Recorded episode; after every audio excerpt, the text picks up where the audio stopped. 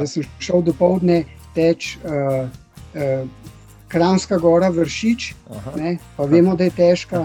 Pa sploh nisem bil slab, sem bil tretji, absolutno. Popoldne sem šel pa še radovško desetko od laufe, pa spet stopničke. Ne. Mislim, da danes uh, tudi v sanjah ne pomislim, da bi kaj takega delal. Ne. Ta je kar dosti zahteven, tudi iz tega stališča, ker je prvih 16 km se kar spušča in je uh, seveda za mišice to tudi ni preveč dobro, če nabijaš in tam. Mhm. Seveda, jaz sem tekel z njim, pa ga tako gledam, pa pravi, ma pusti, stari ti, ker teč za mano, greva mi dva. No, pol na koncu sem pač plačal svoje. Ne.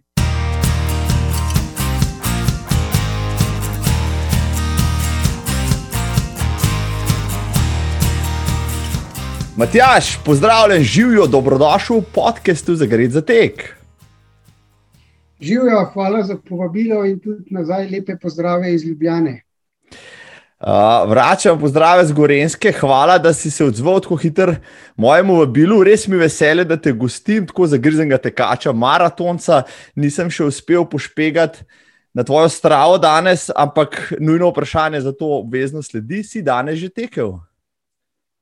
Ne, danes še ne, je bilo kar zelo uh, delovno v službi. Tako da uh, Eh, potem le na enem pogovoru si bom pa prvoščil tam enih 10 km, takih lahkotnejših, ker je bilo včeraj 19, pa je bilo, pa še jutri me spet čaka, malo daljša kilometraža. Ja, še vedno si neumoren. Kako tečeš zadnje čase? A vsak dan še vedno ali pač ne? Ne, ne, to me je že moje trupelce upozorilo, ne, da ne, nikar tega ne počnem več. Tako da uh, Odvisno, no, če je kakšna tekma na vidiku med vikendom, ampak tega zdaj ni, ne, ker se moramo držati ukrepov, uh mhm. -huh. praviloma tega ni, razen virtualne, teh pa kar nekaj obrnem. Dobro. Se pravi, tam uh, štirikrat, petkrat. Tako da zdaj so treningi kar mal prilagojeni, ker ni toliko tekem, potem uh mhm. -huh. tudi uh, teh specialnih treningov ni zdaj toliko, se pravi, raznih intervalnih treningov. Uh mhm. -huh. Eh, fartlekov, je pa še vedno precej tekanja. No. Uh, to, to je bilo za vod, ampak spoštovani Matjaž, da otvorim tole 31. epizodo podcasta, tako kot se za pravega gostitelja spodobi, s tem, da, da tebe kot gosta najprej primerno predstavim. Torej, spoštovane in cenjeni, z mano je danes Matjaš Vrhunc ki je profesionalno vodja centralnega registra za NATO pri Ministrstvu za obrambo, sicer pa navdušen tekač in maratonec, ki teče že več kot 40 let. Točno tako, 40 let.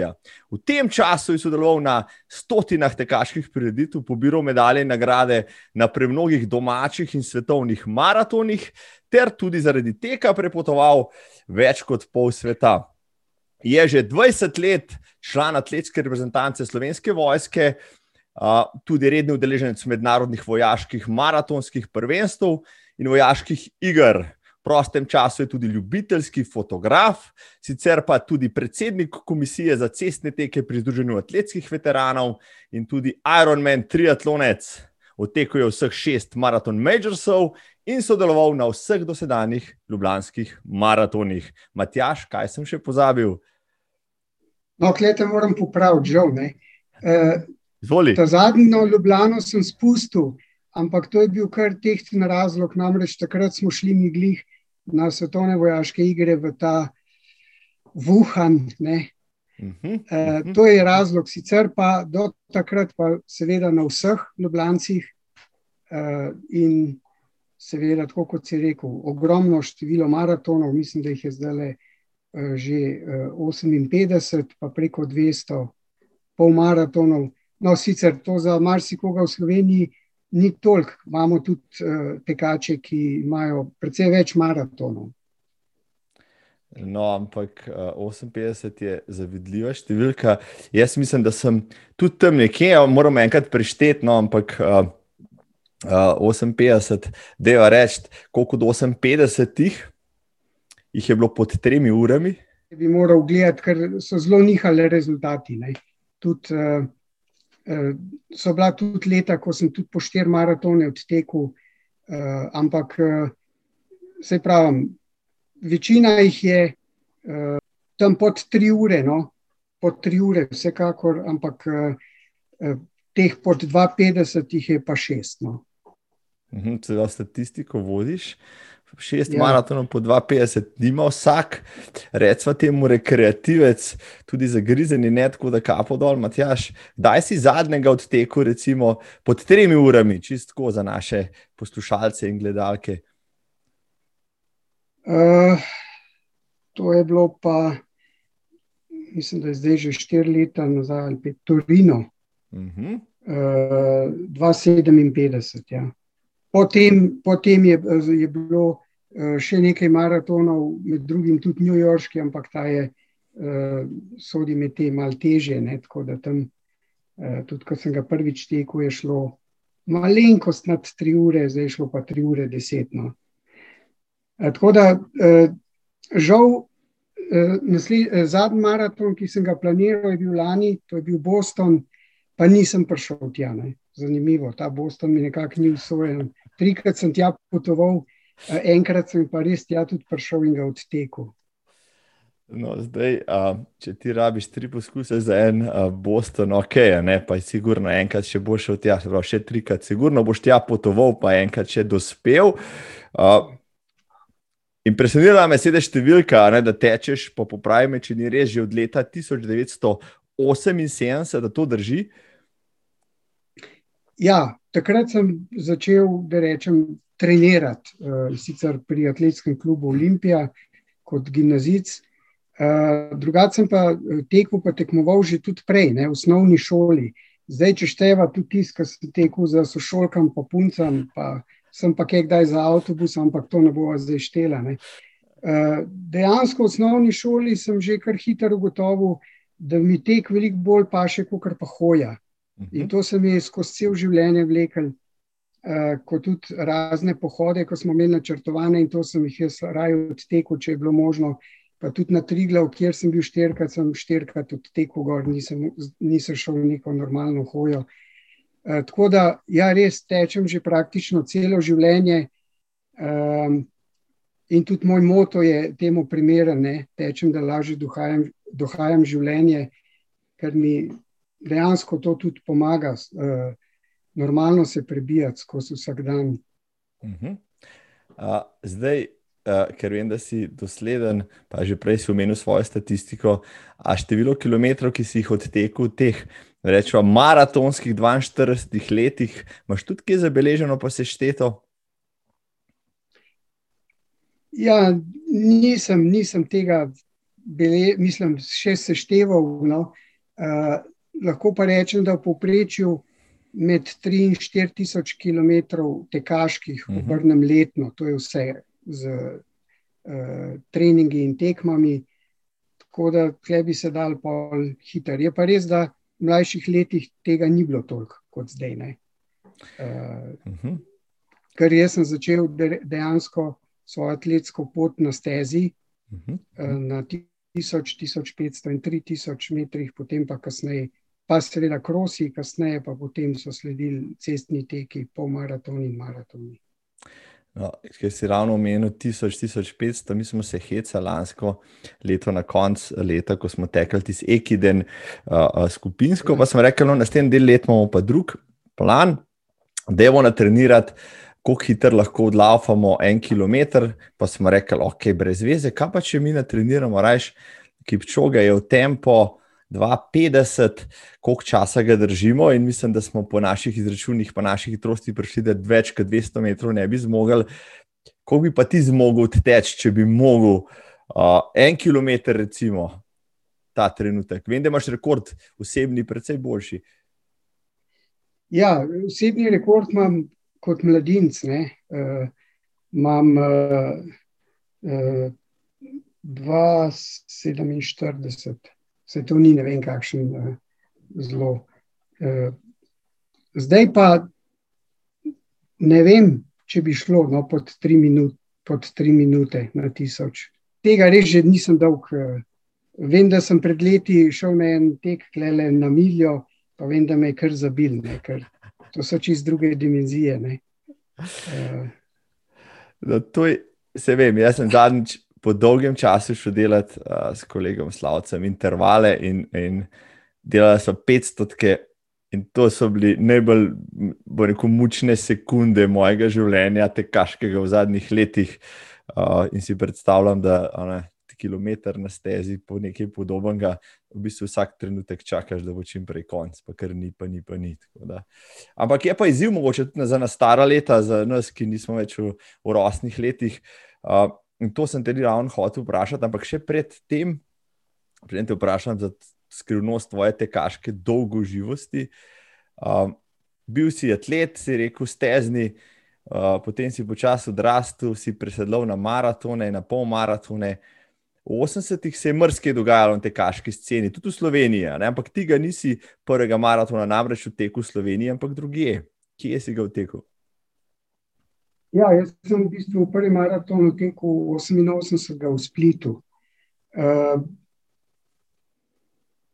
pač pot me je zanesla tako, da sem jaz, uh, moje prvo službovanje je bilo uh, v Karlovcu, uh -huh. uh, pol po, po diplomi in tam sem uh, bil tudi v atletskem klubu Karlovac in s tisto ekipo tam smo najprej šli uh, dvakrat uh, v, na Plitvički maraton, sicer tam sem polovičko tekel, no in pol smo rekli, neč, kaj kaj pa če bi mi probali, pa gremo, pa gremo mi v split, ne.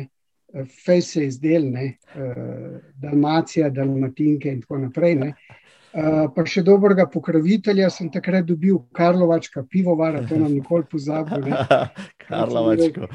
Ga Audija 60 L in sem prišel, sem odprl GP kot zad in je rekel, bacaj, što poželiš. Najprej so začeli s tistimi pipi, sokovi in ne vem kaj, no potem pa seveda je pa pivo prišlo, ne, ampak v redu, se nočem zdaj propagirati, da smo, ampak uh, hočem reči, da takrat uh, uh, se je vse tudi na, na maratone in to drugače gledali. Tudi uh -huh. uh, uh, dolgo progaši, nasploh tekači, če si se v pajkicah pojavil, si bil mal čuden. Uh, tako da tudi ta moj maraton je bil čist uh, prvi pot v neznano. Imel sem te prve feelinge, kako je na pol maratonih, pa sem rekel, da je tam 30, bomo že spravili. No. Ja, res, Split, uh, split je kar težek, ne? je tudi en klanc tam, kar konkreten. Na Marjan, ja. uh, če je danes še ista proga. Uh, tako da na koncu sem za slabih 15 minut fulal ta rezultat, pa sem bil kar razočaran. Tako da pol, par let nisem šel na maraton, ampak sem pa bolj zauzeto se pripravljal, pa tek, tekmoval na pol maratonih, pa na cestnih tekih. Uh, no, ampak se pravi, v Sloveniji se je scena začela odpirati. Jaz sem gledal malo enkrat zgodovino.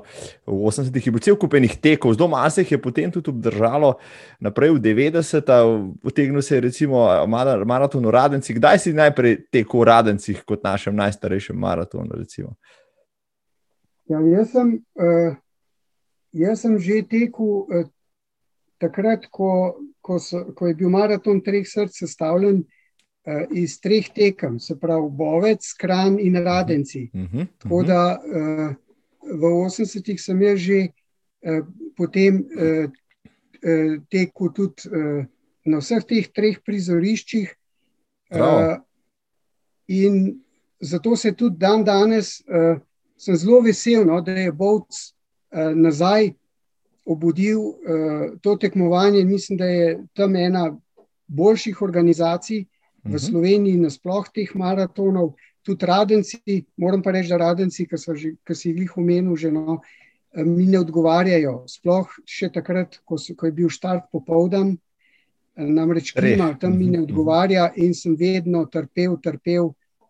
Tako da tam sem. Uh, Maraton, mislim, da sem štirikrat tekel v Radencih, več, večkrat sem pa pol maraton tekel, pa tudi desetko.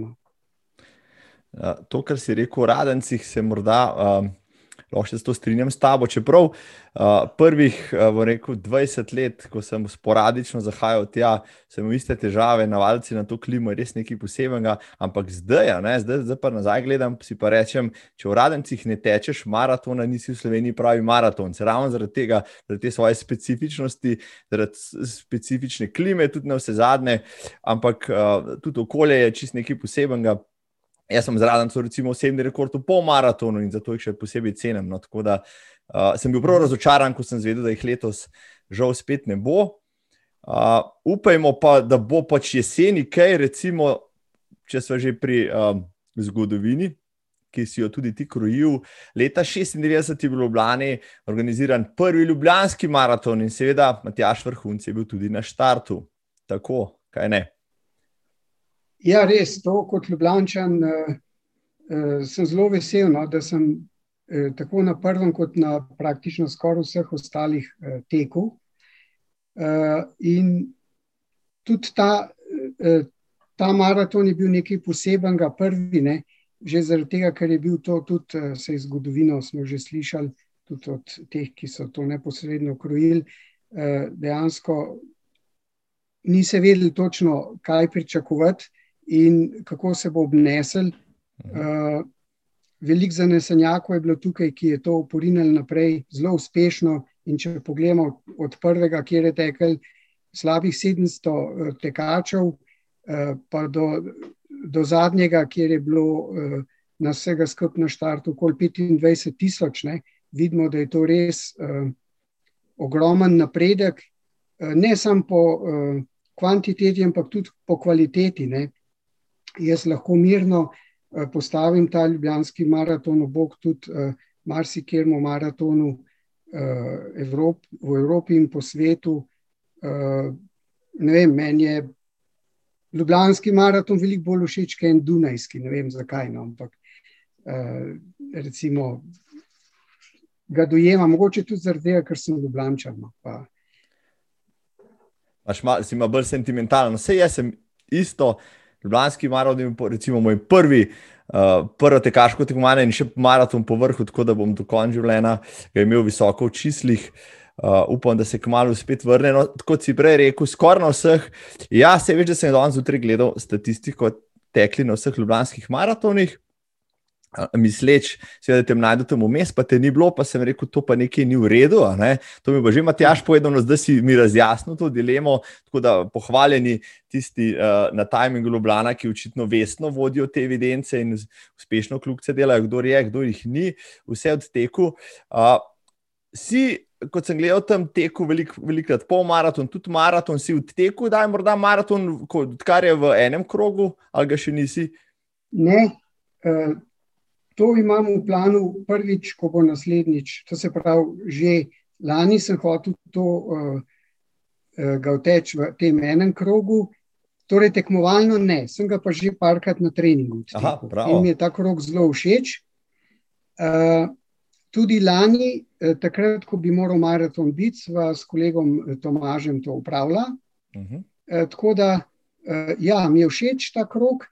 Uh, je, ker pa lani ni bilo tekme, to se pravi, eno je to, da smo individualno uh, ga odtekli, drugo je pa, da smo odtekli tudi ta virtualni maraton po Ljubljani, sicer polovičko sem jaz odtekel, tako da uh, če bi rekel, da lani uh, se je vse en mi nekaj dogajalo, kar se tiče, kar v povezavi z Ljubljanskim maratonom.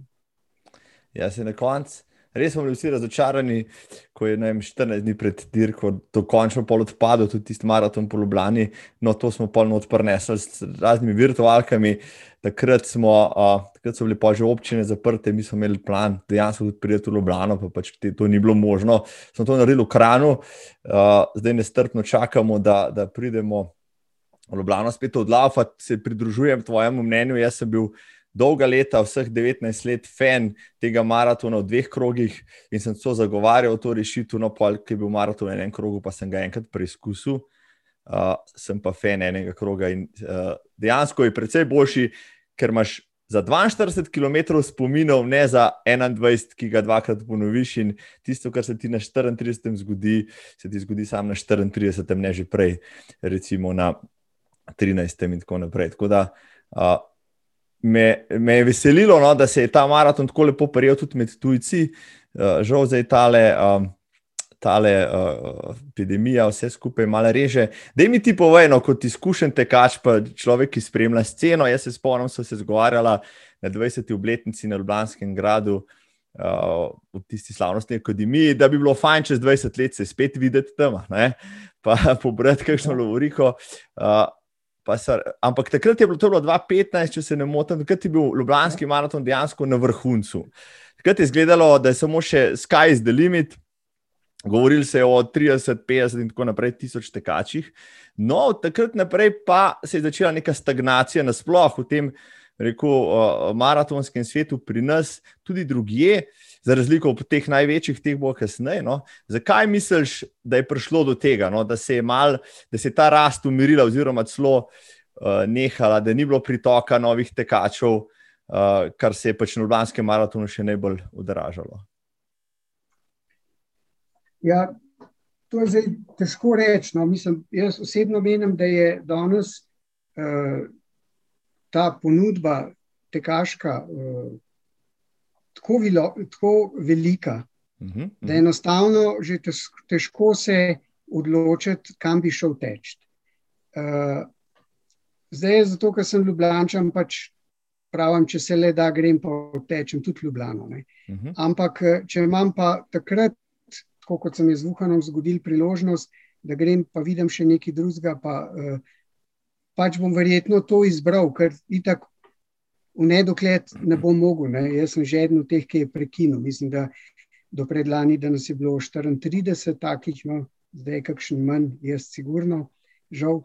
Uh, tako da zelo široka nabor teh tekem je. In uh, če rečeva, da je, uh, ko greš na, na maraton, je to tudi ene vrste tekaško popotovanje, da še nekaj novega vidiš, spoznaš nove ljudi, nove običaje, sploh če si lahko prvoščeš, da greš tudi kam mal dol. Eh, in to je potem izziv, in med tem potem tehtaš, kaj bi izbral. Eh, Ljubljana je, če gledamo v širši regiji, zelo popularna. Jaz imam veliko kolegov tudi vem, v Srbiji, v Bosni, na Hrvaškem. Uh, oni prihajajo z avtobusi, ne vem, uh, smo jim že pomagali tudi urejati namestitve Eh, te eh, prijave, eh, zamujene in podobno. Tako da, če, če greva samo za Ljubljano, se sploh ne bojim, da ko bo to spet zalaufal, da, bo, množič, da množičnost bo ostala, tako kot ostaja v Ljubljani tudi ta fenomen teka trojk. Ne? Ta silna množičnost. Ne? To je tudi nekaj čist posebenega, ki nimajo druge. In jaz mislim, ta številka, je kar ta prava. Ne. Zdaj, ali Ljubljana lahko pre, prenese več ali ne, ne vem. Ampak, eh, ker sem eh, doživel Ljubljano kot tekač in tudi, eh, da rečem, skoraj vedno, ko tečem, pa grem še kot fotograf mal na, na progo ali pa v izteku in vidim pa še tudi z te perspektive, ta navdušenja in vse. In dejansko. Um, kakorkoli, mislim, da organizator si nima kaj učitati, tudi če bo eh, ta eh, številčnost mal varirala, bo kakšno leto manj, kakšno več. Eh, mogoče pa mal, malce več spodbude tudi za dobre slovenske tekače, ne? mogoče tudi kakšna denarna nagrada več za tiste najboljše. Mi, rekreativci, pa itak pridemo, uživamo, kolikor se da, potem pa pač tudi po svojem planu še nadaljujemo, ki je v bližini tam, vse veš. To, to, da ne bom se spet propagiral. Tako, vedno se vrtijo od tega, razredrilih napitkov po teku, kar je tudi prav. No. Ja. Uh, Uh, zakaj pa ne, no, se te, te, eno z drugim gre čisto lepo skupaj. Zadnjič sem ravno poslušal hrvaški podcast, ker je dolgoletna tekačica, ki je prelafala stotine maratonov, rekla, uh, ko se je vprašala, kaj, uh, kaj je žal, uh, da je v prvih stotih maratonih recimo ni dosegla ali pa naredila. Rekla, žal mi je, da je prvih 70 maratonov na cilju nisem spila piva, ker zdaj, kar, kar, odkar ga spijem, je ta izkušnja še, ne, še neprimerno boljša. No, sem rekel, evo, jaz te napake nisem nikoli naredil. sem pa, jaz tudi, kot si rekel, Ljubljanski maraton je bil moj tisti ciljni konc sezone, višek sezone, konc oktobra, zadnja nedelja, to je Ljubljanski maraton. In sem se, če lani ne bi virtualno odlaufal, ne vem, kaj bi naredil, no, zato smo ga jasno, ne, ker drugače brez tega ne šlo. Tudi jaz se ne bojim za, za prihodnost Ljubljanskega maratona, kot si rekel.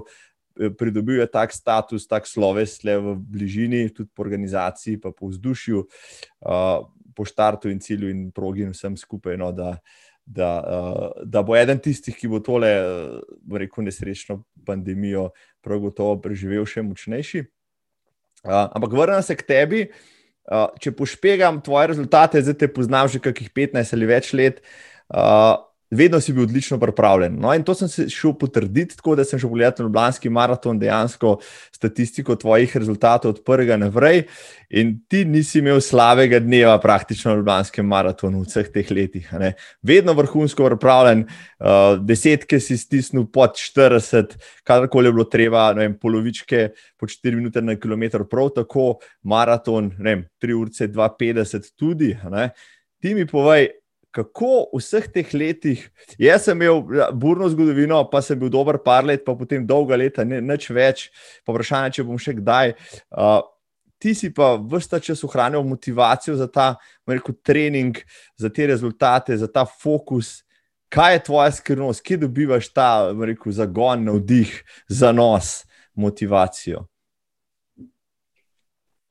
Ja, se pravi, kot sem rekel, jaz sem pač rekreativni tekač. Ne. In uh, tudi, če sem bil v Olimpiji, sem videl, pač, kje so moji limiti. Ne. Jaz sem lahko še tako treniral, ampak uh, tistih najboljših pač jih nisem mogel doseči in sem vedel, kje se sučem. Mhm. Uh, tudi kot mladin sem imel tudi na stezi kar dobre rezultate. Uh, in če pogledam od teh, ki smo takrat trenirali, kdo danes še teče, jih je res zelo, zelo malo. Mislim, tečejo tako, ampak na tekmah, da se srečamo, je pa res malo. Eh, tudi če pogledam v Age grupi, kjerkoli grem eh, po svetu teč, eh, sem največkrat kar na stopničkah ali pa med mhm. prvih pet. Tako da, razen seveda v Španiji, ne. tam je pa tisto, pa vanzemalci, bi človek rekel. To sem pa recimo pred leti, ko sem tekel Alicante, pa je eh, v moji age grupi zmagal pol maraton z 1,17. Uh, pa ti nisi bil slab, najbrž, ne? Ja, nisi bil ja, čez 20. Ja. No, skratka, če se vrnem k temu, uh, ne vem, ali imam to srečo, ali je tudi fizionomija ne? tistih mojih 57-58 kg, res ni velik. Uh, včasih me kdo vpraša, da so pa kaj izredili. Uh, sem imel eno manjše obdobje, vmes tudi, ko nisem tekel, pa sem imel 10 kg več. In moram reči, da si ne, ne bi rad se nazaj tja vrnil, uh, ker je, je bilo treba kar biti pridn, da sem tisto kilažo spet zbil dol. Skratka, jaz v, v vseh teh 40 plus letih teka aktivnega, praktično poškodbe nisem imel. Uh -huh. uh, pustimo zdaj to razne vnetja, tetive, uh, fascije in podobno. Uh, res je, da sem redno skrbel za obutev, uh mhm. -huh. sploh v 80-ih letih, uh, 90, sploh 80-ih, no, je bilo kar težko priti do te prave obutve, tekaške. V Ljubljani smo imeli ta uh, Slovenija šport in tam smo dobili tiste adidaske, ne, uh, kaj drugega ni bilo.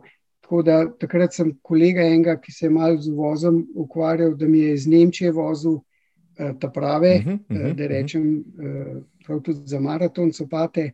No, kasneje, pa, ko sem si lahko tudi prvoščil kaj več, pa sem seveda uh, pri upremi res nisem šparal. Se pravi, tudi dan danes imam šest, sedem, tudi osem parov sopat na sezono, seveda različnih, tudi za, za trail, kdaj za treninge, posebej za eh, cesto. Za... Uh -huh, uh -huh. Tako da tudi kakšne sprinterce se najdejo, čeprav že dve leti, kar sem jih na zadnje obu, uh, da ne izzivam usode. Ne. Uh, tako da, ja, poškodb ni bilo, in uh, vedno sem nekako poskušal uh, poslušati svoje telo. Uh, uh. Sicer, ko sem bil mlajši, ne vedno, ne, Pa če mi je rekel, trener, tole ima za narediti, pa sem naredil, pa tudi če je bilo ne vem kaj. Ne. Ampak se je pa zgodilo, da sem uh, pa parkiral za par naslednjih dni. Danes se to uh, tudi, če imam kakšen intervalni, ne vem, kakšen trening, če vidim, da kaj ni v redu, pa prekinem. Uh -huh, uh -huh. uh, Neč ne bo pobegnil. Ne. Se pravi, zmernost uh, in je pa težko, ne, ker Vem, po 50-ih so mi rezultati res padli, uh, precej, ne? Uh, sploh maratonski, tudi polmaratonski. Včasih uh, sem vem, uh, polovičko na maratonu obrnil to, kar je danes ne morem v enem kosu. Ne. Uh, in to je pa v, v glavi, treba te premike narediti. Uh, res pa je, da vedno uh, poslušam svoje telo tudi uh, s tem, da spremljam utrip, tempo in prilagajamo, nekako gremo. Uh, no, ko si ravno že omenil leta uh, za naše poslušalce in gledalke, Matjaš je letnik 63, Eh, njegov VO2 max je prav tako 63, tako zapišite si, ne, pa pol primerjate, kako ste v njegovih letih. Tako da za 63 VO2 max moraš kar nekaj še vse delati, povedal si, kaj je tvoja skrivnost. A delaš poleg tega še kaj drugega, recimo, te, vem, da tečeš na smočeh, ampak moče ne vem, vaje za moč, kakšno raztezanje, kaj tasga. Um. Ja, uh... Se pravi, jaz sem kot atlet na stezi zelo dobro se naučil od tekaške abecede in vsega. Ne poznam vsak uh, vsa ta pravila. Uh, ampak uh, bolj, ko leta grejo gor, manj se tega držim. Zato, ker moram reči, da recimo tekaško besedo zelo vneto ne delam več, ker uh, čim kaj delam, bolj vneto me, me predskaj zaboli, uh, zadaj kaj štihne. Da, uh, to pa, torej, delam vaje za moč, neki pa plenke. Uh, vse, kar delam, je za moč, samo lastna teža, -huh. ne uporabljam nobenih uteži. Uh, delam tudi nekaj treningov uh, v, klanec, ki ga imam veliko rajš kot pa spuste. Uh, tako da tudi, se pravi, poleg, poleg teka plavam, tudi uh, kolesarim, tek na smočeh, zelo, zelo velik, sploh letos. Ne. Odlična zima. Ja. Uh -huh. Stupam. Tako da. Komplementiraš tudi ostale športe. Ja. Da nisem tek. No, pa da se še malo ustavim pri pr teh uh, dosežkih v zrelih letih, vseeno. Danes se s kolegom Urošem isti letnik sva hecala, da v najnih 45 so naj, najboljša leta, pa žal že mimo. No, potem pa jaz grem gledati tudi Matjaža, vrhunca statistiko in ugotovim, da je. Um, svoj, svoj eh, rekord v polmaratonu iz zavidljivih 1,14 v teku, pa dobrih 40, svoj maratonski rekord eh, v Berlinu pa 2,44 za vse tiste, ki se sprašujete, kako je še bolj zavidljiv rezultat, pa pri svojih 46. Uh, da mi povej, in v tistih časih si še, ne vem, Iron Man naredil takrat, uh, maratone mm. si konstantno tekel po 2,50 in tako naprej. Kaj je bila razlika med recimo tvojimi 40, ko si bil na vrhuncu svojih tekaških moči, pa obdobjem predtem, si začel bolj pametno trenirati, več trenirati, ali kaj drugega? Ja, veliko se je spremenil uh, že tam 2000, ko sem prišel v atletsko ekipo vojaško slovenske vojske. Uh -huh, uh -huh. Uh, in uh, potem tudi, ko smo hodili na ta svetovna prvenstva. Uh, seveda so bili to izzivi in tudi uh, dodatni motiv, uh, da se še bolj pripravljaš. Mi smo tudi, uh, uh, in še dan, dan danes imamo, zdaj trenutno med uh, karanteno, ne, te skupne priprave, uh mhm. -huh. kjer je uh, dost uh, to, da rečem, uh, usmerjeno. Uh, trening je zelo prilagojen tudi ciljem. Uh, jaz sem sicer, eh, da te popravim najprej, kar se rezultata tiče. Ne, jaz sem že uh, 2002 otekel še boljši rezultat Aha. in to je bilo uh, v Bilu, v Švici. Uh, Ampak, ja. 2039 Prav. je šlo, ne. Am, imam tudi certifikat, ampak sem pol čez en mesec dobil domov pošto, da je bila proga malce krajša. Uh, do, dobrih 700 metrov. No. Uh, no, takrat smo res vsi dobro tekli, ampak tega, tega, da rečem, si ne štejem kot osebni rekord, zato ker pač je bila proga eh, krajša. Uh, skratka, uh, bolj ciljno sem začel uh, trenirati, uh, in v bistvu rasteš, ne, s tem, ko, uh, uh, uh -huh. ko se udeležuješ teh tekem, sploh ko sem začel hoditi na večja tekmovanja, na te masovke, jim jaz rečem, uh, potem vidiš, uh, in ko se primerjaš z to silno množico, ne, uh, vidiš, da se da. In tudi dan danes, ko, ko hodim na te veteranska tekmovanja, ko sem že prej omenil, vidim, da tudi uh, starejši, ki še tekač mimo uh, tebe, tako pade, da, da ne veš, sploh kaj se dogaja. Se pravi, uh, motiv in prilagajanje treningov. Uh, zdaj, jaz mogoče nisem tisti tipičen uh, tekač.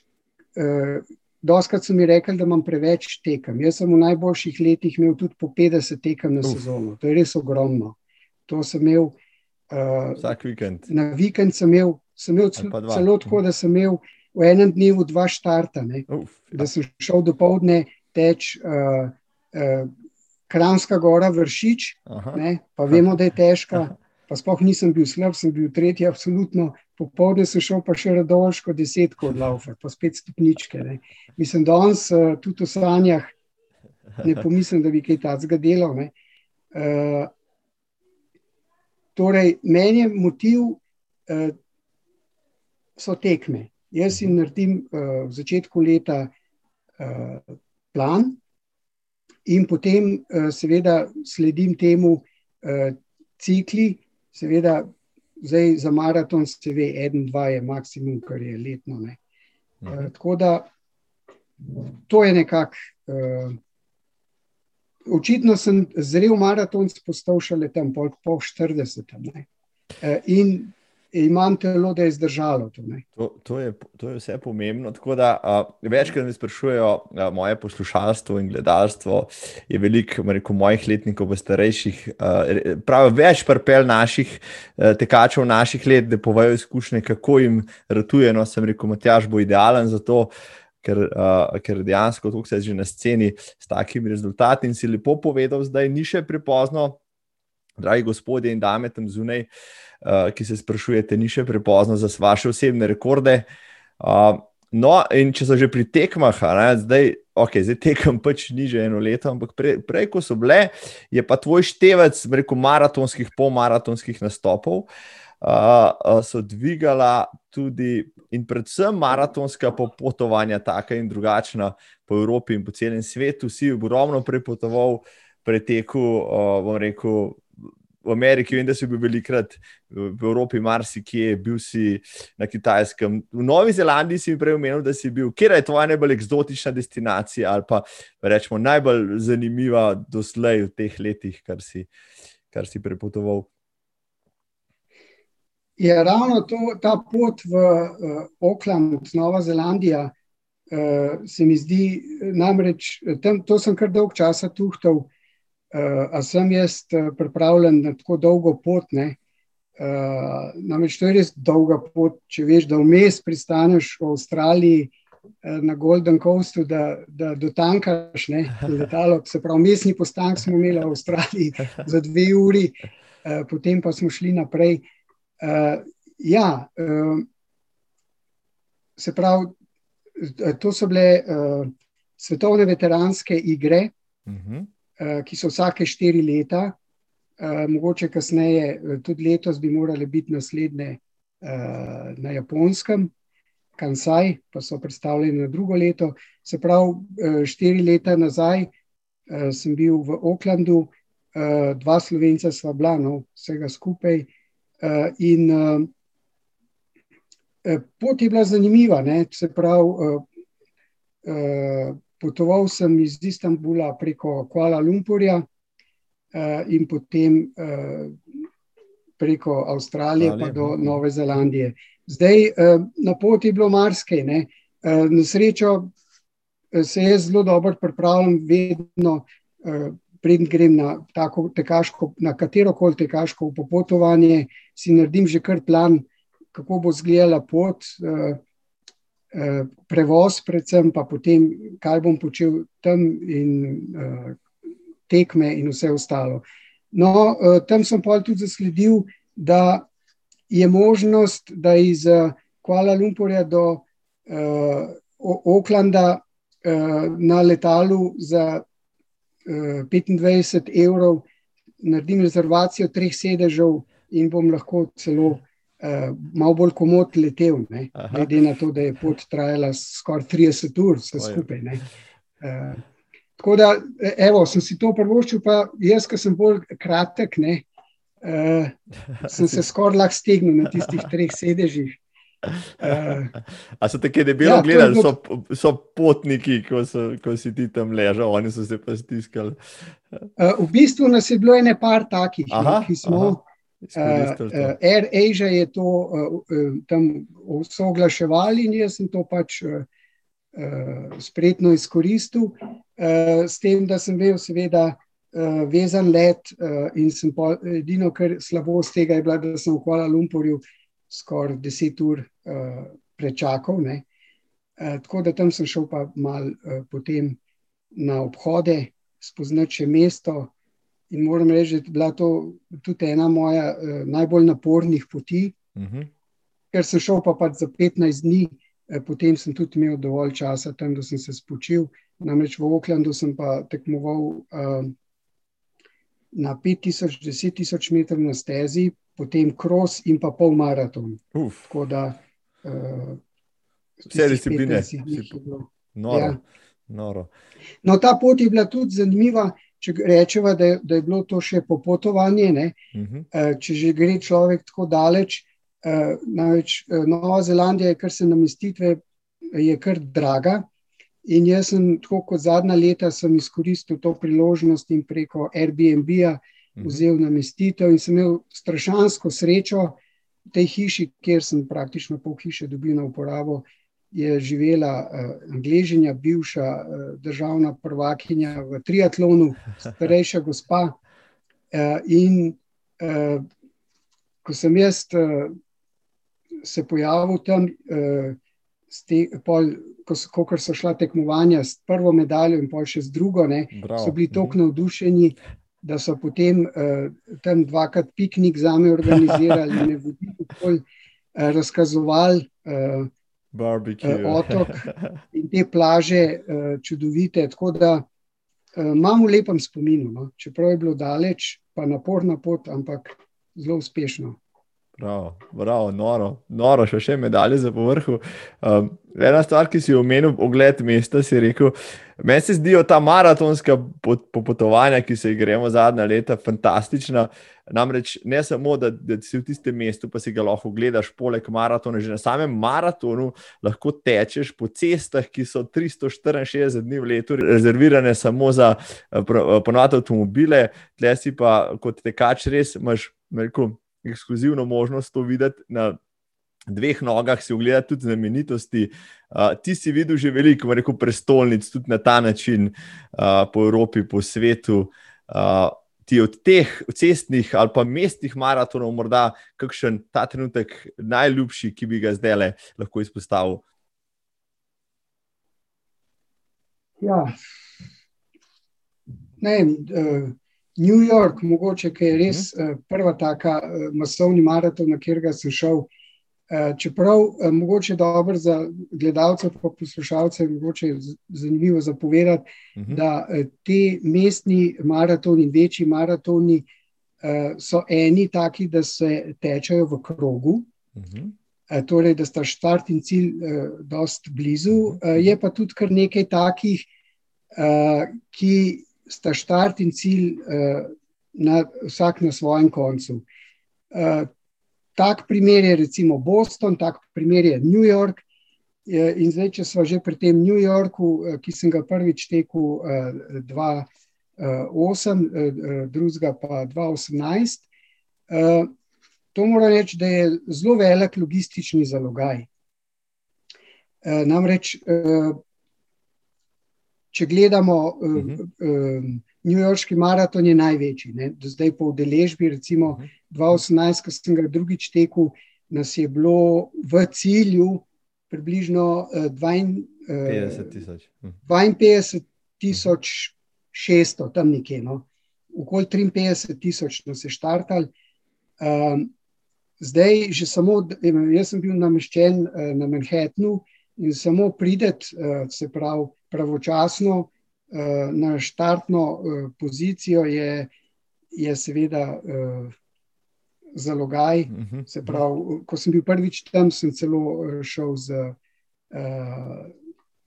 ladjo oziroma ferijo. Mhm, pa, pa, pa z podzemno, pa z avtobusom, pa še 20 minut peš, da sem prišel do tistih svojih boksov. Tokrat sem izkoristil uh, avtobus. No. Ampak uh, to se pravi, New Yorkski maraton je zelo zanimiv. Uh, doživeti tako prestolnico, ogromno, uh -huh. uh, da lahko tečeš, uh, ne samo ta dan, ampak uh, ko sem bil prvič tam, smo imeli tudi uh, dva dni prej, smo imeli ta Friendship Run, uh -huh. uh, pet km. Uh, kjer je bilo bolj tako, da rečem, parada narodov, oziroma si se pokazal, odkot uh -huh. si, da je bilo čim bolj barvito, in je bilo uh, del poti tudi, uh, to je bila bolj hoja in tek. No. Uh -huh. uh, smo šli skozi te del znamenitosti, cilj je bil pa ravno tam, kjer je cilj maratona. No, in doživeti te prestolnice z tega stališča je, je nekaj posebenega, je tudi privilegij, ki ga velja izkoristiti. Čeprav je res, da je veliko tekačev, ki pa ne marajo. Cestnih, ja. Te gužve Takih, in ja, res, res. so raje sami seboj v naravi ali pa na kakšnem trailu. No, če smo pri, pri uh, New Yorku, New York je specifičen tudi zaradi tega, ker je eden težjih. No. Uh -huh. uh, zanimivost je ta, da se teče čez pet, pet mostov in dolžina uh, maratona uh, preko teh pet mostov je dobrih 8 km. Prav, uh -huh. uh -huh. Že samo to ne, uh, podatek, ja, ja. Je, je, je podatek, ki pove, da je težko in da je kar nekaj višincev treba premagati, ker to so mostovi, na kere se najprej spenjaš, pa pa spuščaš. Ne. Uh, in na koncu še ta znameniti Central Park, uh, kjer je, je kar, spet, uh, kar nekaj uh, valovito. Ne? Uh -huh. uh, tako da, uh, kdor, kdor uh, razmišlja, da bi šel na, na tak maraton, jaz mu vsekakor priporočam. Uh, že zaradi tega, da ga uh, spozna uh, stepljati.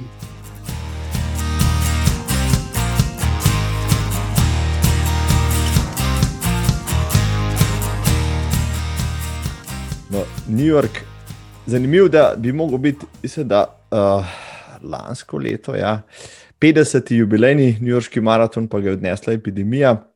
Mi smo še nekaj časa to razmišljali, da bi se odpravili, tja pa politik ni bilo nič iz tega. Enkrat se očitno bomo mogli, kljub navalu, ki, ki, ki je tam, ampak vseeno, omenil si New York, ki je korona, oziroma češnja na torti, tudi tvojih dosežkov. Uh, velja omeniti, Spoštovani in spoštovane, v 31. epizodi gostim Matjaža Vrhunca, večnega tekača in maratonca in prvega rekel, slovenca, moškega, ki je pred njim bila namreč samo, če se ne motim, Katarina Benedikt, tisti, ki je odtekel vseh šest majorsov, šest najprestižnejših maratonov, ki so v seriji, uh, začenši z rekel, Berlinom, potem Londonom, Tokijo. Uh, Chicago, Boston in, in New York. Zdaj delaš že, rekel, to serijo še enkrat, koliko si že naredil v ja. drugi seriji? Ja, v drugi seriji sem ponovil uh, New York, Chicago, pa Berlin. Uh -huh. uh, Berlin sem drugič tekel 2013, Chicago 2017, pa uh, New York 2018. No, lani sem, uh, smo imeli uh, s, s Tomažem Panino v planu uh, Eh, ponoviti eh, Boston, uh -huh, uh -huh. ki se je žal izjalovil. Ne. Pa ravno Boston, ne, kamor sem potoval trikrat, pa samo enkrat ga tekel. Ne. Namreč prvič sem tja potoval leta 2010, pa je bil ta izbruh iz, iz uh, vulkana v Islandiji, uh -huh. tako da sem potem 2011 tekel. Uh, ja, te tri sem, uh, kot sem omenil, sem odtekel, zdaj pa se zadeve kar precej komplicirajo. Uh -huh. uh, veliko je tudi nejasnosti, kako naprej. Namreč uh, eni, uh, tam je velike razprave o tem, ali te virtualni štejejo ali ne štejejo, uh -huh. uh, ali bojo odpovedi. Uh, recimo Tokio se je odločil, da so štartali samo profiči, pa ostali ne. Uh, tako da jaz sem zaenkrat nadaljevanje te zgodbe dal malo na stran, mhm, pa sem si rekel, uh, pejmo mi še kaj drugega pogledati, sej to sem naredil. Um, no, Boston, kar je pač nekaj posebnega, sem ga hotel res, um, tudi mi v lepem spominu ostal uh, narediti še enkrat, ampak vse bo mogoče še kdaj priložnost. Bomo pa zato, zdaj, dokler je ta epidemija, uh, mogoče malo bolj v regiji in širše po Evropi še kakšnega obrnili. Uh, no, maraton, tudi po Evropi, si tudi ti že sam, uh, svo, uh, svojo partnerico Polono, tudi potujete, ali, ali sam, ali večkrat smo še tudi skupaj, že na te destinacije. Lansko leto bi mogli potovati, če se ne motim, skupaj na Cipr. Pa, če bo sreča, mila, bomo potovali konec letošnjega leta. Ja, tako držimo si pesti. Uh, Omenil si teh, te majors, zelo zanimivo je. O majorsih že več, že skozi govorim, da bom naredil posebno oddajo, no, ampak tebe imam tukaj, pa te bom še kaj poprašal od tega. Uh, letoš, letošnje leto so ti majorsi zdaj skoncentrirani na šest tednov uh, v jeseni, med ja. koncem septembra in začetkom novembra. Kdor bo pa Komor bo pa to uspel narediti v kosu, ok, razen tega, da rabaš recimo nekaj 20 ur denarja, pa, pa, pa dva ja. meseca dopusta, uh, eh, ti bo, bo pa res legenda. Ampak prehranimo to za drugič. Uh, Moraš mi povedati, preden se posvetijo ostalim maratonom, uh, ena stvar me sigurno zanima od Bostona ali je ta Screaming Tunnel, oziroma tisti Wesley College, ki je v progih, ker ta dekleta z, z plakati, uh, frikis, pa, tak, uh, pa takimi podobnimi se derejo. Si to izkoristil, si dobil kakšen poljub uh, od tistih kričečih deklet, ki so res posebnost na teh maratonih. Ja, uh, se pravi, tako kot vsak maraton, sem seveda tudi bostonskega naštudiral, kaj vse me čaka. Ne? No, in tukaj. Uh, Uh, kot sem najprej, kot sem prej rekel, Boston je eden od teh, kjer je eh, štart in cilj sta uh, uh -huh. vsak na svojem koncu. Štart je v eh, majhnem mestecu Hopkinton uh, in to ni tipični uh, mestni maraton, samo uh -huh. zadnjih par kilometrov se teče praktično v mestu, ostalo je pa uh, po periferiji bolj. No, in seveda ta uh, uh, Screaming Tunnel, to je posebnost tam nekje na 20 km. Eh, pridemo tekači do tega meseca Wesley, kjer je ta dekliška šola, uh mhm. -huh. in oni imajo približno pol leta priprave že pred maratonom. Naredijo špalir, približno slaba dva km dolg, seveda so postavljene ograje in to je šok. Ne? To, ko priješ, je res šok. Zato, ker uh, predtem tečeš skozi manjše kraje, potem pa kar naenkrat uh, prideš v ta ograjen prostor in tam punca do punce, dekleta z napisi in seveda od tega poljubi me, objemi me. Ne vem, ena imela celo napis tam, sem videl na enih posnetkih. Če me nož uh, ubijel, bom pa za Trumpa volila. Pa uh, pravi, tisti del je, je res šok, uh, ker uh, jaz sem se seveda pripravil in sem uh, se ne dvakrat pustil, da so me izvlekle, ne? ampak uh, to zna biti polkar nevarno, ker uh, pol tudi uh, čas, ki ga zasleduješ. Uh, Ni več. Da, ni več. Eh, že tako sem trpel tam, ne, ker eh, na tej tekmi so bila skupaj z Lešem Žontarjem, uh -huh. uh, kjer so se nekako zmenila, da bo skupaj tekla. No, ampak mi je do, do tega Screaming Tunnela že pobegnil, uh, mimo grede, on je pol tam tudi odtekel uh, uh, osebni rekord. 2,46, tako da mi je dal 4 minute takrat. Um, namreč, eh, mogoče še nekaj, no, kar so jih pri Bostonu, eh, ta je kar dosti zahteven, tudi iz tega stališča, ker je prvih 16 km se kar spušča in je eh, seveda za mišice to tudi ni preveč dobro, če nabijaš in tam, mhm. seveda, jaz sem tekel z njim. Pa ga tako gledam, pa pravi, ma pustari, ti kar teč za mano, greva midva. No, pol na koncu sem pač plačal svoje, ne, eh, davek, ker je, je šlo malo počasneje, kot sem mislil. Ampak uh, vseeno uh, zelo lepa tekma, to je, to je maraton s Patino, ne, to je uh, skoraj 120 let, kar se tam že dogaja, maraton, tam je tekla tudi prva maratonka. Uh -huh. uh, tako da uh, tudi sam Boston je univerzitetno mesto, uh, je nekaj posebnega, je dost podoben evropskim mestom. Ne. Na prvi pogled, niti nimaš občutka, da si v Ameriki, ko prideš tja.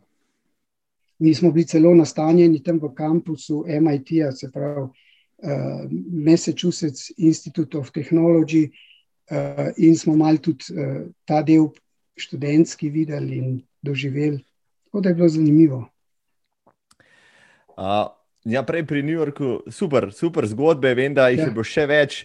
Tudi John Trump je upozoril, vprašaj ga, zakaj ni dobil piva, ker ni imel osebne, ampak tega te ne bom vprašal, uh, bo to obdelal v pivu. Uh, sam si omenil, uh, pa zasledil sem, da v New Yorku si bil na drugem, svojem drugem New Yorku si bil tudi zastavonoša tam predstavitvi narodov, ampak bolj kot to me zanima. Kakšna je pa ta tvoja pot v Chicago, ko si rekel, da tam se ti pa zgodil uh, za en celo večer, pa za eno življenje dogodkov v zadnjem, ko si šel, to pa moraš zgodbo zaupati tudi meni, pa poslušalcem in gledalcem. Ja, zdaj eh, ta maratonska in ostala tekaška popotovanja, eh, večino sem jih si organiziral sam, nekaj malega pa tudi eh, preko agencij. Uh mhm. -huh. Zdaj na ta največja, te majorse, uh mhm. -huh. ti kaj dosti ne ostane, zdaj ste tudi vi skočili ne, uh mhm. -huh. v to, da rečem, in del organizacije, ampak prej, še ko sem na začetku, ko sem potoval, pa kakšne američane ali koga in tiste je bilo potem dost uh, eh, zahtevno, logistično, pa mogoče malo draže. No, ampak ta pot v Chicago 2017 eh, sem jo, tako kot večino ostalih, planiral sam in se mi je zgodil, da tri mesece pred, eh, pred je bilo treba iti tja, je Air Berlin šel v stečaj. Uh, in seveda sem bil pred odločitvijo, kaj zdaj, uh mhm. -huh. ali pustiti vse skupaj, uh, ali kaj. In sem se odločil, da gremo v nabavo novih kart, pa bomo že pol nekako do tistega denarja prišli. Uh, karte sem nabavil in seveda uh, tisti dan, ko je prišlo, uh, potoval sem pa iz Zagreba, Amsterdam in potem naprej do Chicaga. Pridem v Zagreb zjutraj, let odpovedan. Zato, ker je orkanski veter bil v Amsterdamu in tisto Aha. letalo ni moglo. Skratka, ta let je bil odpovedan, pa so rekli, okej. Okay, bomo najdli nekaj drugega, boš pa letel uh, preko Frankfurta in seveda pa potem za Chicago. Uh, Čekirali so mi pa, dobil sem pa boarding pass samo do Frankfurta in seveda, ko sem prišel tja, so rekli, da uh, kaj, kam zdaj jaz grem, ko nim, nimam boardinga. Ne. Bilo je pa zelo uh, časovno uh, kratek čas, da sem prišel do tja. No, jaz sem seveda kot dober tekač tekel čez eh, celo tisto uh, letališče in nekako prišel do, do uh, uh, boarding gata. In seveda so bili zaprepadeni, ko sem se tam pojavil, ne? ampak moja prtlaga je pa bila čekirana. Skratka, na koncu, uh, ker ni bilo druge, sem letel naprej uh, v Chicago v biznis klasu. Oh. No, To je bilo v redu, se pravi, nekako sem tja prišel, nazaj gredi pa spet štala. Ne. En dan, preden bi se vračal nazaj iz Čikaga preko Pariza, so v Parizu imeli štrajk. In je bil moj let predstavljen za en dan. Da, uh, ker sem bil nastanjen v Airbnb-u, sem pač se tam dogovoril, sem jih podaljšal za en dan, in potem sem pač naslednji dan šel uh, na letališče za Pariz, let je zamujal. In spet uh, je bilo treba ujeti naslednjo letalo v Parizu, spet tek čez celo letališče. Golden Gate je bil zaprt, ko sem jaz pretekel tja. No, in nekako so se mi usmilili, pa so se eni spustili gor. Uh, in seveda sem prišel potem srečno v Zagreb, moja prtlaga pa ne. Tako da uh, ta pot je, na tej poti sem doživel toliko, kar prej na vseh ostalih nisem. Ampak tudi to moraš vzeti v zakup, uh, tudi to je en del popotovanja, uh, in uh, nekako ne smeš si preveč to. Včasih je treba tudi kaj na hecu obrniti. Posebej potem, ko si varno doma. Ja. Ja te, te zgodbe se kupičijo, očitno, toliko potuješ, ja, da, res, da te bo enkrat res uh, sekretar uh, Šter reševal iz kakšne destinacije, ampak to bo spet posebna zgodba, pa ko boš knjigo napisal o svojih maratonskih popotovanjih. Uh, omenil si prej.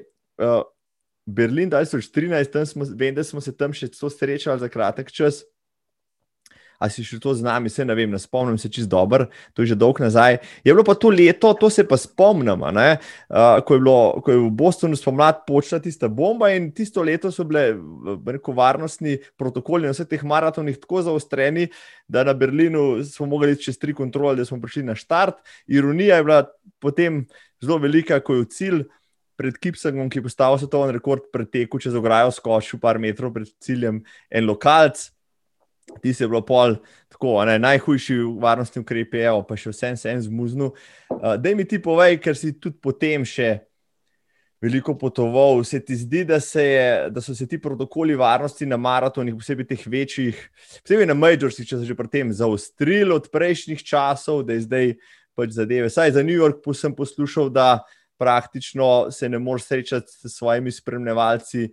Uh, Eh, dokler ne prideš čist do konca ven, pa tudi če si na pol mrtev in podobno. Da mi ti povej iz svojih izkušenj, se ti to zdi, da je to hujš uh, ali niti ne.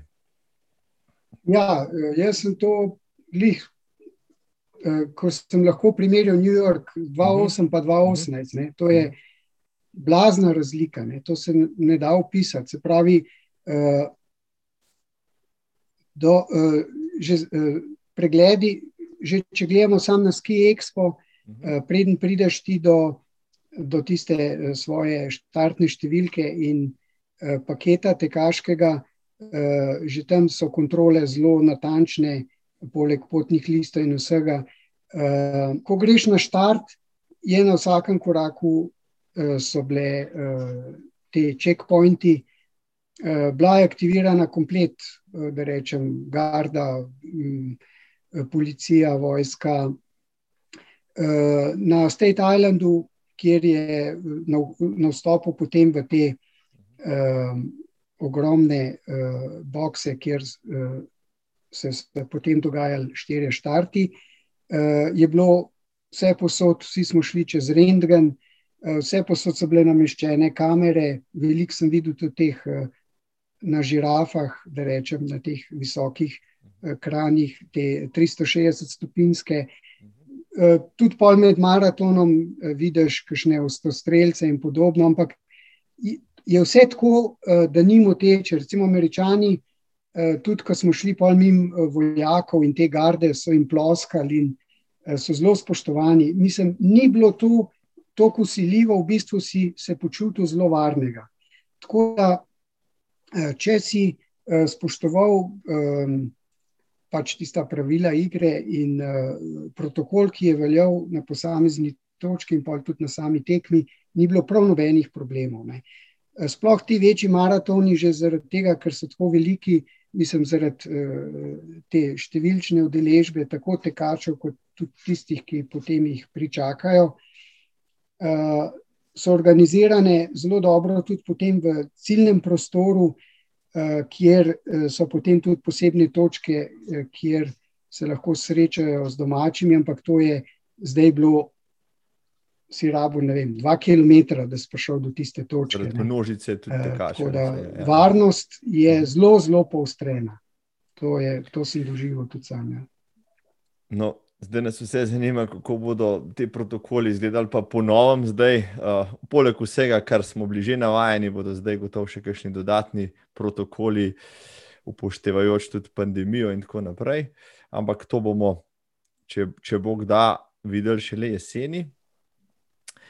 Že eno leto pa praktično virtualno tečemo. Uh, ti si že prej omenil, da uh, pa tudi vem, da že prej, ko so bili še teki, si bil, si bil navdušenec nad Rohedron serijo in si kar nekaj teh maratonov po svetu, pa pol maratona odteku.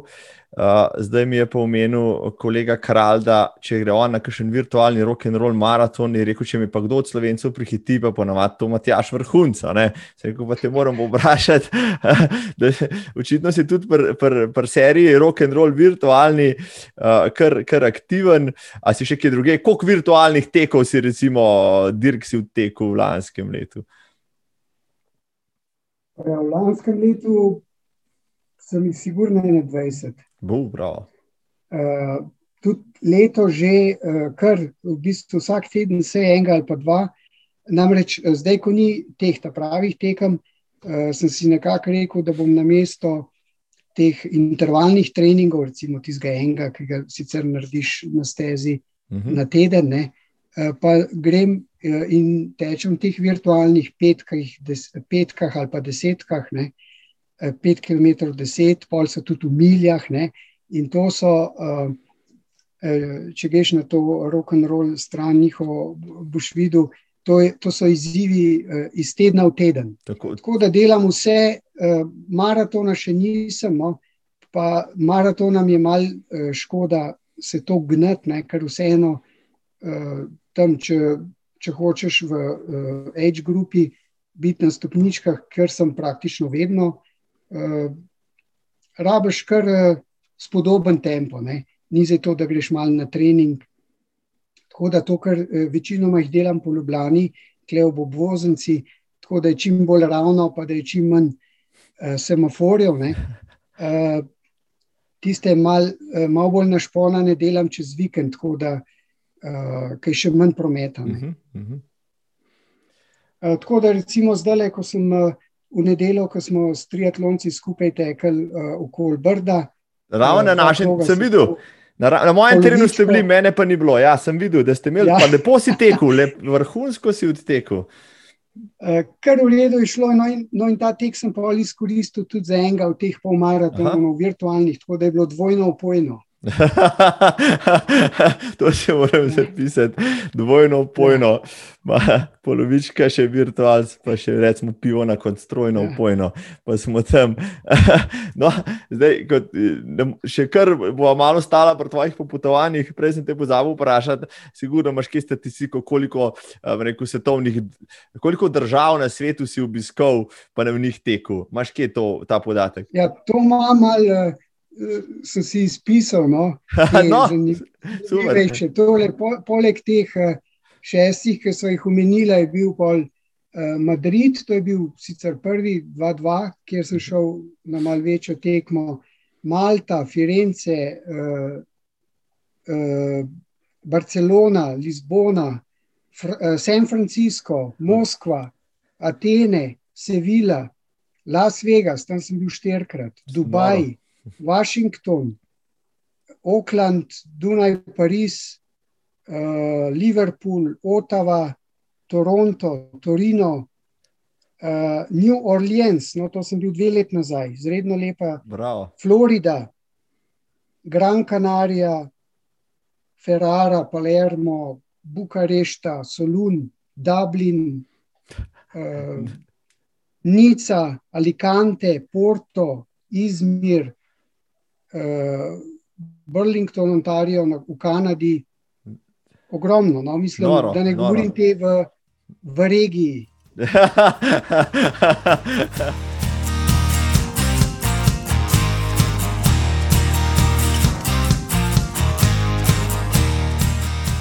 Impresiven se znam. Uh, Matjaš, mislim, da si eden tistih, ki, ki ima med slovenci, da se znam, sigurno je med daljšimi. No.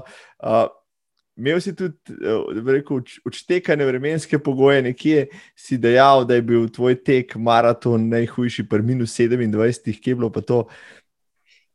Ja, to je bila posebna zgodba. Namreč, uh, ko sem bil na uh, enem tečaju v Kanadi, tam v Bontarju, sem potem tudi uh, izkoristil to priložnost, uh, da sem šel na uh, tekmo in tam ravno ta Burlington, eh, ob jezeru Ontario, uh, namreč to je bilo od januarja do marca, tam sem tudi doživel najhujšo zimo v svojem življenju, ko smo imeli par dni tudi minus 42.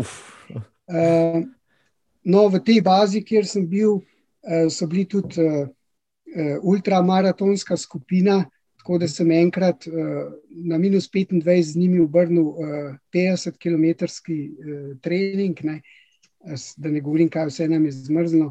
Ampak no, ta tekma je bila na minus 27, pol maraton.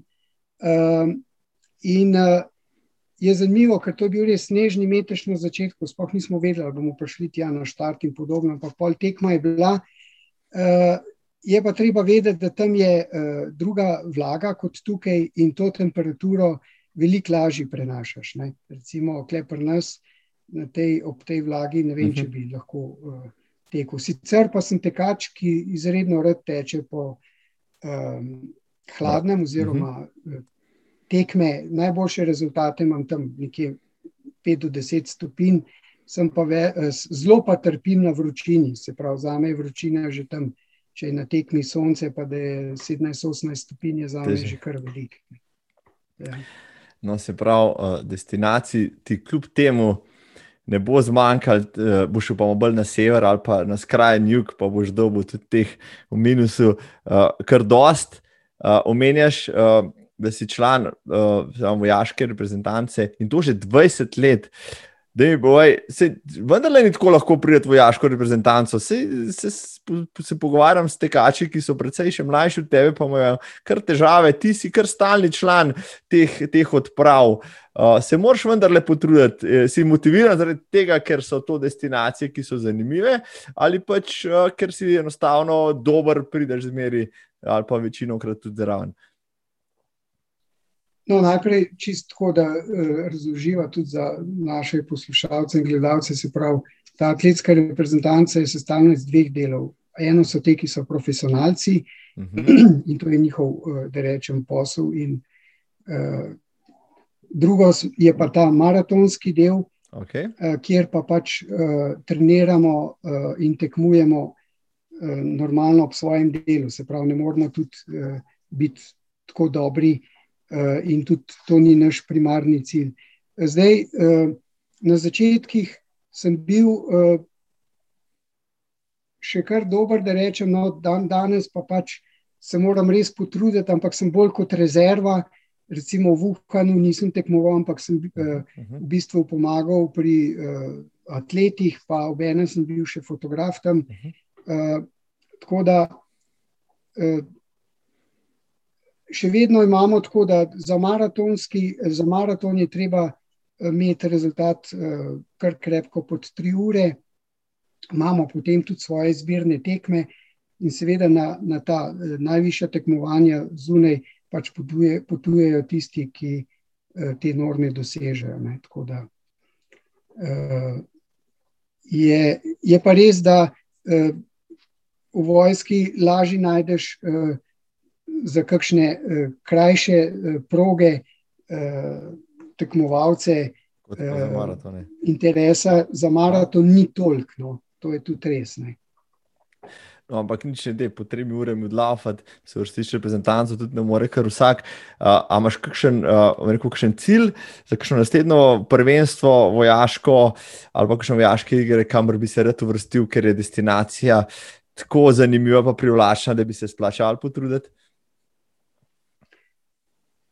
Ja, zdaj je tako eh, vse to ugasnjeno. Uh, lani smo bili na dobri poti, da bi šli v Atene, -huh. ne, mhm. po desetih letih spet, uh, pa je to žal odpadlo. Tako da letos ne vemo, mogoče, um, če bo ta tekma, ki jo imamo, NATO ran v Budimpešti. Uh, sam mislim, da da bojo to prej kolegi šli, ki so, uh, mislim, da so vse en bolj pripravljeni no, kot jaz. Tako da zdaj za prihodnje ne računam več to, da bi kot uh, tekmovalec lahko uh, v tujini. Mhm. Tukaj doma pa še vedno uh, nismo kar za okož, da rečem. Uh, Torej, naša ekipa zelo uspešna, recimo tako na Ljubljano, kot na Trojkah. Ne. Uh, tudi sam sem bil v sestavi kar nekaj trojk, ker smo bili uh, na stopničkah. Uh, tako da bolj vidim priložnost za se v sestavi uh, vojaške ekipe na teh domačih tekmah, uh, zunaj pa, če bo, če bo priložnost, bo, če ne pa. Pa, pa vodja ekipe v fotograf, to, zmer, to se zmeraj potrebuje. Ja. No. Uh, ja, zdaj. Uh, Meni je seveda večji izziv uh, in tudi več priložnosti najdem v teh uh, drugih tekmah. Ne, uh -huh. uh, ne na zadnje, uh, upajmo, da letos tudi v uh, organizaciji maratonca, ne, da bomo šli končno na ta Cipr, uh, odteči, uh, zdaj ga reže čakamo. Uh, lani se nam ni šlo, čeprav jaz sem virtualnega odteku, ne, uh -huh. uh, tudi plačal tisto štrtnino, ampak ni še nič prišlo, medalje in ostalo. Pa sem pa izanč pobaral, uh, kaj čakajo, pa so rekli, da ima njihova pošta prepoved pošiljanja v Slovenijo. Pa, imamo isti problem, nis, nismo edina, mi dva še nekaj jih je. Ja. So vsi povprašvali, jaz sem isto poslal vprašanje dol. In to je moče eden najbolj nenavadnih odgovorov, kar smo jih dobili od teh organizatorjev virtualnih dirk po svetu. Njihova pošta ne pošilja v Slovenijo, pika. Pozabil sem jih vprašati, v kje države pošiljajo, da bi morda eh, naredil kakšen obvod, ampak zelo hecno no, sem rekel, no, stej, če, no, če do novembra ne uspete, bomo pa dol osebno prišli iskat še lansko virtualno tako da, kar, da jih kar pripravite, če, če je to problem. Uh, če bi imel uh, možnost izbirati, sigurno imaš na bucket listi kakšno posebno maratonsko ali pa drugo dirko, kamor bi pa res želel iti, uh, pa nisi imel zdaj priložnosti ali pa je vem, drago, težko ti ja prideti. Kaj je ta zga, kar bi, kar bi mogoče želel iti, pa bi enkrat to pač si res dal kot prioriteto. Ja, težko reči, mislim, da so se apetiti zelo, zelo, zelo znižali. ker, ker, uh, še, še, še kakšen mesec nazaj sem še z Ljubljana težko prišel. Že do radencev bi bilo zdaj le, zelo, ja. zelo fajniti. Ja, to res je. Ja. Uh, tako da, uh, ne vem, izziv bi bil mogoče kakšen maraton, ta skrajni, ne, ali ne vem, na tem na severni tečaj. Eh, vem, da organizirajo. Mislim, zdaj, ravno zdaj sem razmišljal, koliko je takih poti, ki sem se jih odpovedal, pa zdaj, ko vidim, da je ta pandemija. Ne, um, ja, ne. In recimo ena taka pot je bila, ko sem imel že štrtnino plačano, je bil ta Penang. Ne, uh -huh. uh, to so bile te azijske uh, igre, uh, veteranske. Uh, pa, pa nisem šel na en glizanč, ker sem to malo gledal, sem rekel, evo ti ga, na. bi lahko šel. Pa, Če bi se danes odločil, bi definitivno šel. Ne. Takrat se mi zdela karta malo predraga. Eh, no, sicer ta, ta potovanja, seveda, so eh, tudi stroški povezana in z, pač, treba je vedeti, da to je praktično vse moj dopust gre uh, uh, v, v to smer imam tudi srečo, da moja partnerka Polona je tudi eh, tekačica maratonka. No. Tako da marsikero eh, pot, no, marsikero pot tekaško greva skupaj. Uh, pa tudi, če ne greva s ciljem, da bo tam tekla, imamo uh, copate in dres sabo. Tako da um, Nikoli ne veš, kaj je že tudi mhm. ustavili, recimo dve leti nazaj, ko so šla v Porto, pa niso šla takrat, ko je maraton tam. No, pa sem mal eh, googlal, pa sem videl, da 50 km stran je eno zanimivo mestece, Gujmareš, so pa tja šla. Ne. Je bil fantastična tekma, ne, ker mogoče Bravo. ne bi enkoli šel tja. Ne. Na tako mestece eh, eh, zelo zanimivo in se pravi, vedno, vedno potem nekaj tudi sproti se še zgodi, če mogoče niti nisi splaniral. Ne. Bravo. No, to si lepo povedal. Uh, tudi jaz, ja. ko planiram, marsikakšen, bo rekel, tudi družinski, družinski dopust, pa se polkajšna taka nenavadna stvar pokaže in je res fajn. Uh, večkrat si zdaj le že omenil tudi to veteransko atletiko. Ti si poleg tega, da si tekmovalec, tudi uh, rekel, funkcionar, si predsednik komisije za, za cestne teke pri, pri Združenju atletskih veteranov, če se ne motim. Uh, to imaš nekaj dela, imaš s tem, se pravi, moraš neke, neko koordinacijo delati, tem, kaj obsega vse tvoje delo uh, znotraj veteranske organizacije. No, Združenje atletskih veteranov Slovenije deluje znotraj Atletske zveze Slovenije. Uh mhm, -huh. Mhm. In uh, jaz sem 2008 začel uh, tudi kot veteran nastopati. Tam več takrat je bil ta uh, EVAX, uh, Evropsko veteransko prvenstvo v atletiki v Ljubljani. Ja, uh mhm. -huh. To je bila zelo uh, velika uh, uh, atletska prireditev, večdnevna, tudi maraton je bil, sicer ne po tej maratonski uh, progi, kot jo mi poznamo. Ampak bolj zaguljeni. Ja. ja, tako zelo težka proga je bila. Uh, no, in uh, dejansko vsi, nad 35 let, ki, imamo, ki imajo željo, se lahko priključijo uh, temu. Uh, uh, in v tem, v tem veteran, veteranskem združenju deluje tudi ta komisija za cestne teke in mhm. hojo, katere član sem pa vodim, ne, mhm. ne zdaj predsednik. No, pač Mal koordiniram vse skupaj, čeprav je kar velik dela. In znotraj tega imamo tudi svoja prvenstva, državna, uh, v cestnih tekih, pa potem stadionska prvenstva, tekmovanja atletska, hitra hoja, tudi uh, potem, zdaj zadnja leta, tudi v dvorani, odkar je novo mesto v funkciji oddana, uh -huh, uh -huh. uh, izredno lepa atletsko-kolesarska dvorana. Tako da je tukaj spet veliko novih izzivov, pa tudi preko uh, tega veteranske atletike sem kar nekaj potoval. No. Uh, tukaj je bila pol priložnost, pa smo bili v Izmirju, potem so, šli so v Malezijo, uh, Malaga, Alicante, uh, potem Bolgarija, uh, Nova Zelandija, Avstralija. To so, so, prav, so svetovna prvenstva, so evropska prvenstva, potem imamo balkanska prvenstva. Recimo letos nekako uh, je v načrtu še, uh, da bo na stadionu v Novi Gorici odprto prvenstvo za veterane 3. in 4. juli, upam, da bo. Potem uh, Leibnic v Avstriji, šesteroboj veteranskih reprezentanc, Hrvaške, Avstrije, Mačarske. Eh, Češke in Slovaške.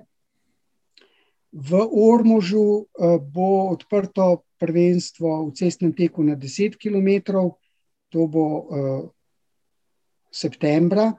Uh -huh. uh, potem v Novem mestu, v sklopu Novomeškega polmaratona, bo oktobra uh, odprto prvenstvo veteransko v polmaratonu. Uh, V planu je še udeležba v Korcah v Albaniji na Balkanskem prvenstvu v atletiki od 17. do 19. septembra. Tako da, kdo želi se vključiti na spletni strani, eh, ne vtipka ZAVS in bo dobil vse podatke, se pravi Združenje atletskih veteranov Slovenije. Edini pogoj je, da se včlani 15 evrov članarina letna. Um, imamo zelo dobro smo organizirani, imamo tudi uh, svoje drese, kot sem rekel, tekmovanja, potem uh, letni zbor, uh, vodimo statistiko, uh, rezultate, ki sploh niso slabi. Ne. V priliki ti bom dal en ta zbornik, ki ga vsako leto izdamo. Ker so not vsi rezultati, in človek bo, bo res presenečen, ko vidi, um, kako dobre atletske, veteranske rezultate imamo tudi v Sloveniji. In svet, v svetovnem merilu se na koncu koncu rekel, da si tudi, sam ja. pobiral medalje. Jaz tudi poznam par, uh, zasledim par teh atletov, ki so še precej bolj zrelih letih, pa so svetovni prvaki, celo rekorderji in podobno. Da slovenska veteranska atletika je v vseh pogledih, bomo rekel, visoko razvita. Praviš pa, da edini pogoj je, da si starejši od 35 let. Tako. Zdaj, praviloma grejo potem uh, starostne skupine po pet let, uh -huh. uh, in pravila so enaka, kot sicer veljajo v atletiki. Tako da uh, tukaj je kar precej teh izzivov, uh, pa spodbuda, da rečem, še dodatno za kakšne uh, tekme, in seveda tudi priložnost za to, da spet se spozna kakšen nov kraj. Uh, večinoma potujemo organizirano, uh mhm. -huh. ponovadi, kjer od naših članov potem za posamezno pot uh, nekakšen koordinator. In vedno so za te evropske pa svetovne igre, oziroma tekmovanja, so uh, najprej prijave preko spleta, potem pa še nam v vednost, in potem uh, ZAVS v bistvu potrdi listo tekmovalcev, um, če gre za višjo kategorijo tekmovanja, kot so Evropska, Svetovna, Balkanska prvenstva. Lepo si zdaj tole uh, predstavil, vse skupaj, mogoče malo boljši pogled v tisto, kar, kar, uh, bi, uh, kar česar zdaj nismo vedeli, no, tudi tekmovalni koledar je ja, pester. Mogoče, da, mogoče dodam še. Uh, ta, ki sem ga prej omenil, eh, svetovne veteranske igre Kansai 2021. To bi letos, eh, ravno zdaj, bi se to moralo dogajati, pa je predstavljeno na naslednje leto. Uh, to je spet zelo velika um, priložnost za, za tekmovanja. Sicer igre pomenijo tako kot olimpijske igre, bi mhm. rekel. Se pravi, 59 disciplin v 35 različnih športih, Eh, konkretno za atlete bojo atletska tekmovanja na stadionu, to bo v Kyoto, uh, potem cestni tek na 10 km bo v Hikone, pol maraton bo v Kamitoda, spet eno tako mestece. Uh, slovi, uh, potem isto imajo otvoritveno slovesnost, pa zaključno slovesnost, se pravi, to je spet tekmovanje, ki traja tam 15-20 dni. Uh, zdaj sem se vedno naštel samo za, za ta atletski del.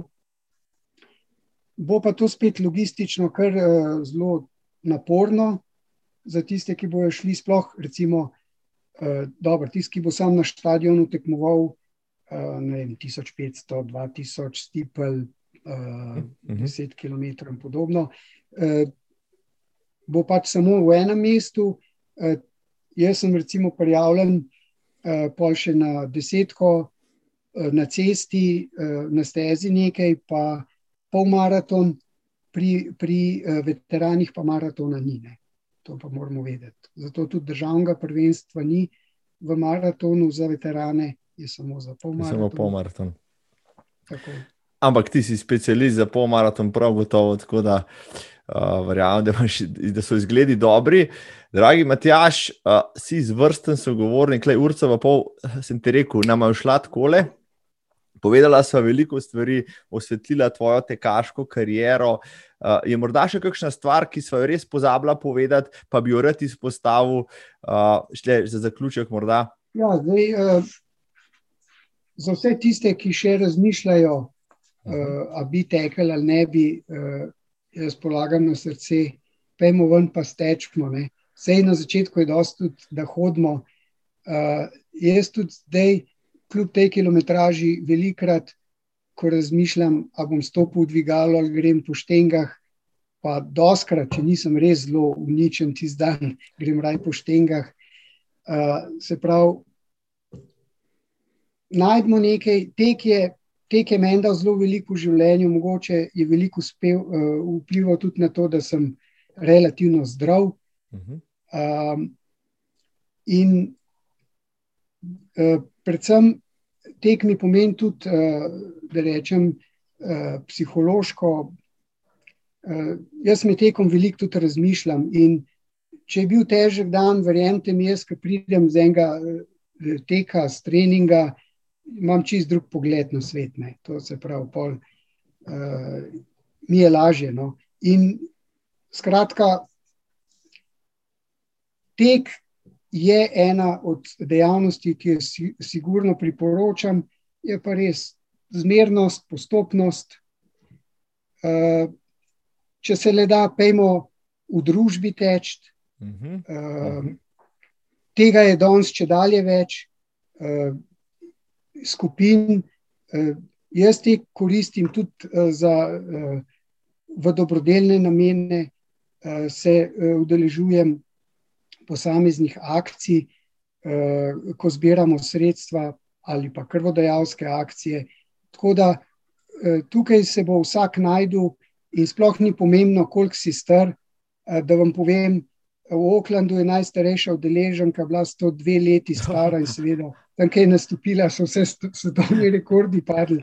Prav, uh, Indika je bila. Uh, skratka, nikoli ni prepozno. Včasih gre malo bolj hitro, včasih pa počasno. super, super povedano. Ampak, uh, drugač, uh, to sem ti hotel še reči. Uh, Itak si verjetno slišal, da pri pozitivnih učinkih teka obstajajo tudi alternative. Zdaj sem slišal, da pa je eh, dve minuti smeha, ima podoben učinek, kot 20 minut teka. Ne? Tako da ne, ne se začude, če, če imaš zdaj v hranju tam le. Ki tekaš, videl na kakšni klopci, ki so ti režimi.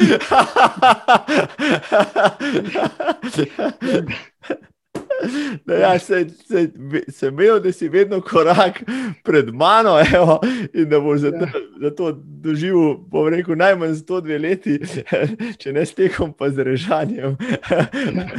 Izvrsten, izvrsten zaključek, Matjaš. Res perfektno, perfektno si tole zaključil. Jaz se ti zahvaljujem, Matjaš, za tvoj čas in res super pogovor. Upam, da se srečava prej, če ne, eh, mogoče na letališču, ki se bomo odpravili na Cipr. Uh, hvala ti, no, res, da si si vzel čas, da si, da si razložil vse tisto, kar nas je zanimalo v teku, velikih maratonih, na vse zadnje, tudi v treningu. Uh, super je bilo, super. Ja, kaj ni rečem, hvala za povabilo, pa dober tek.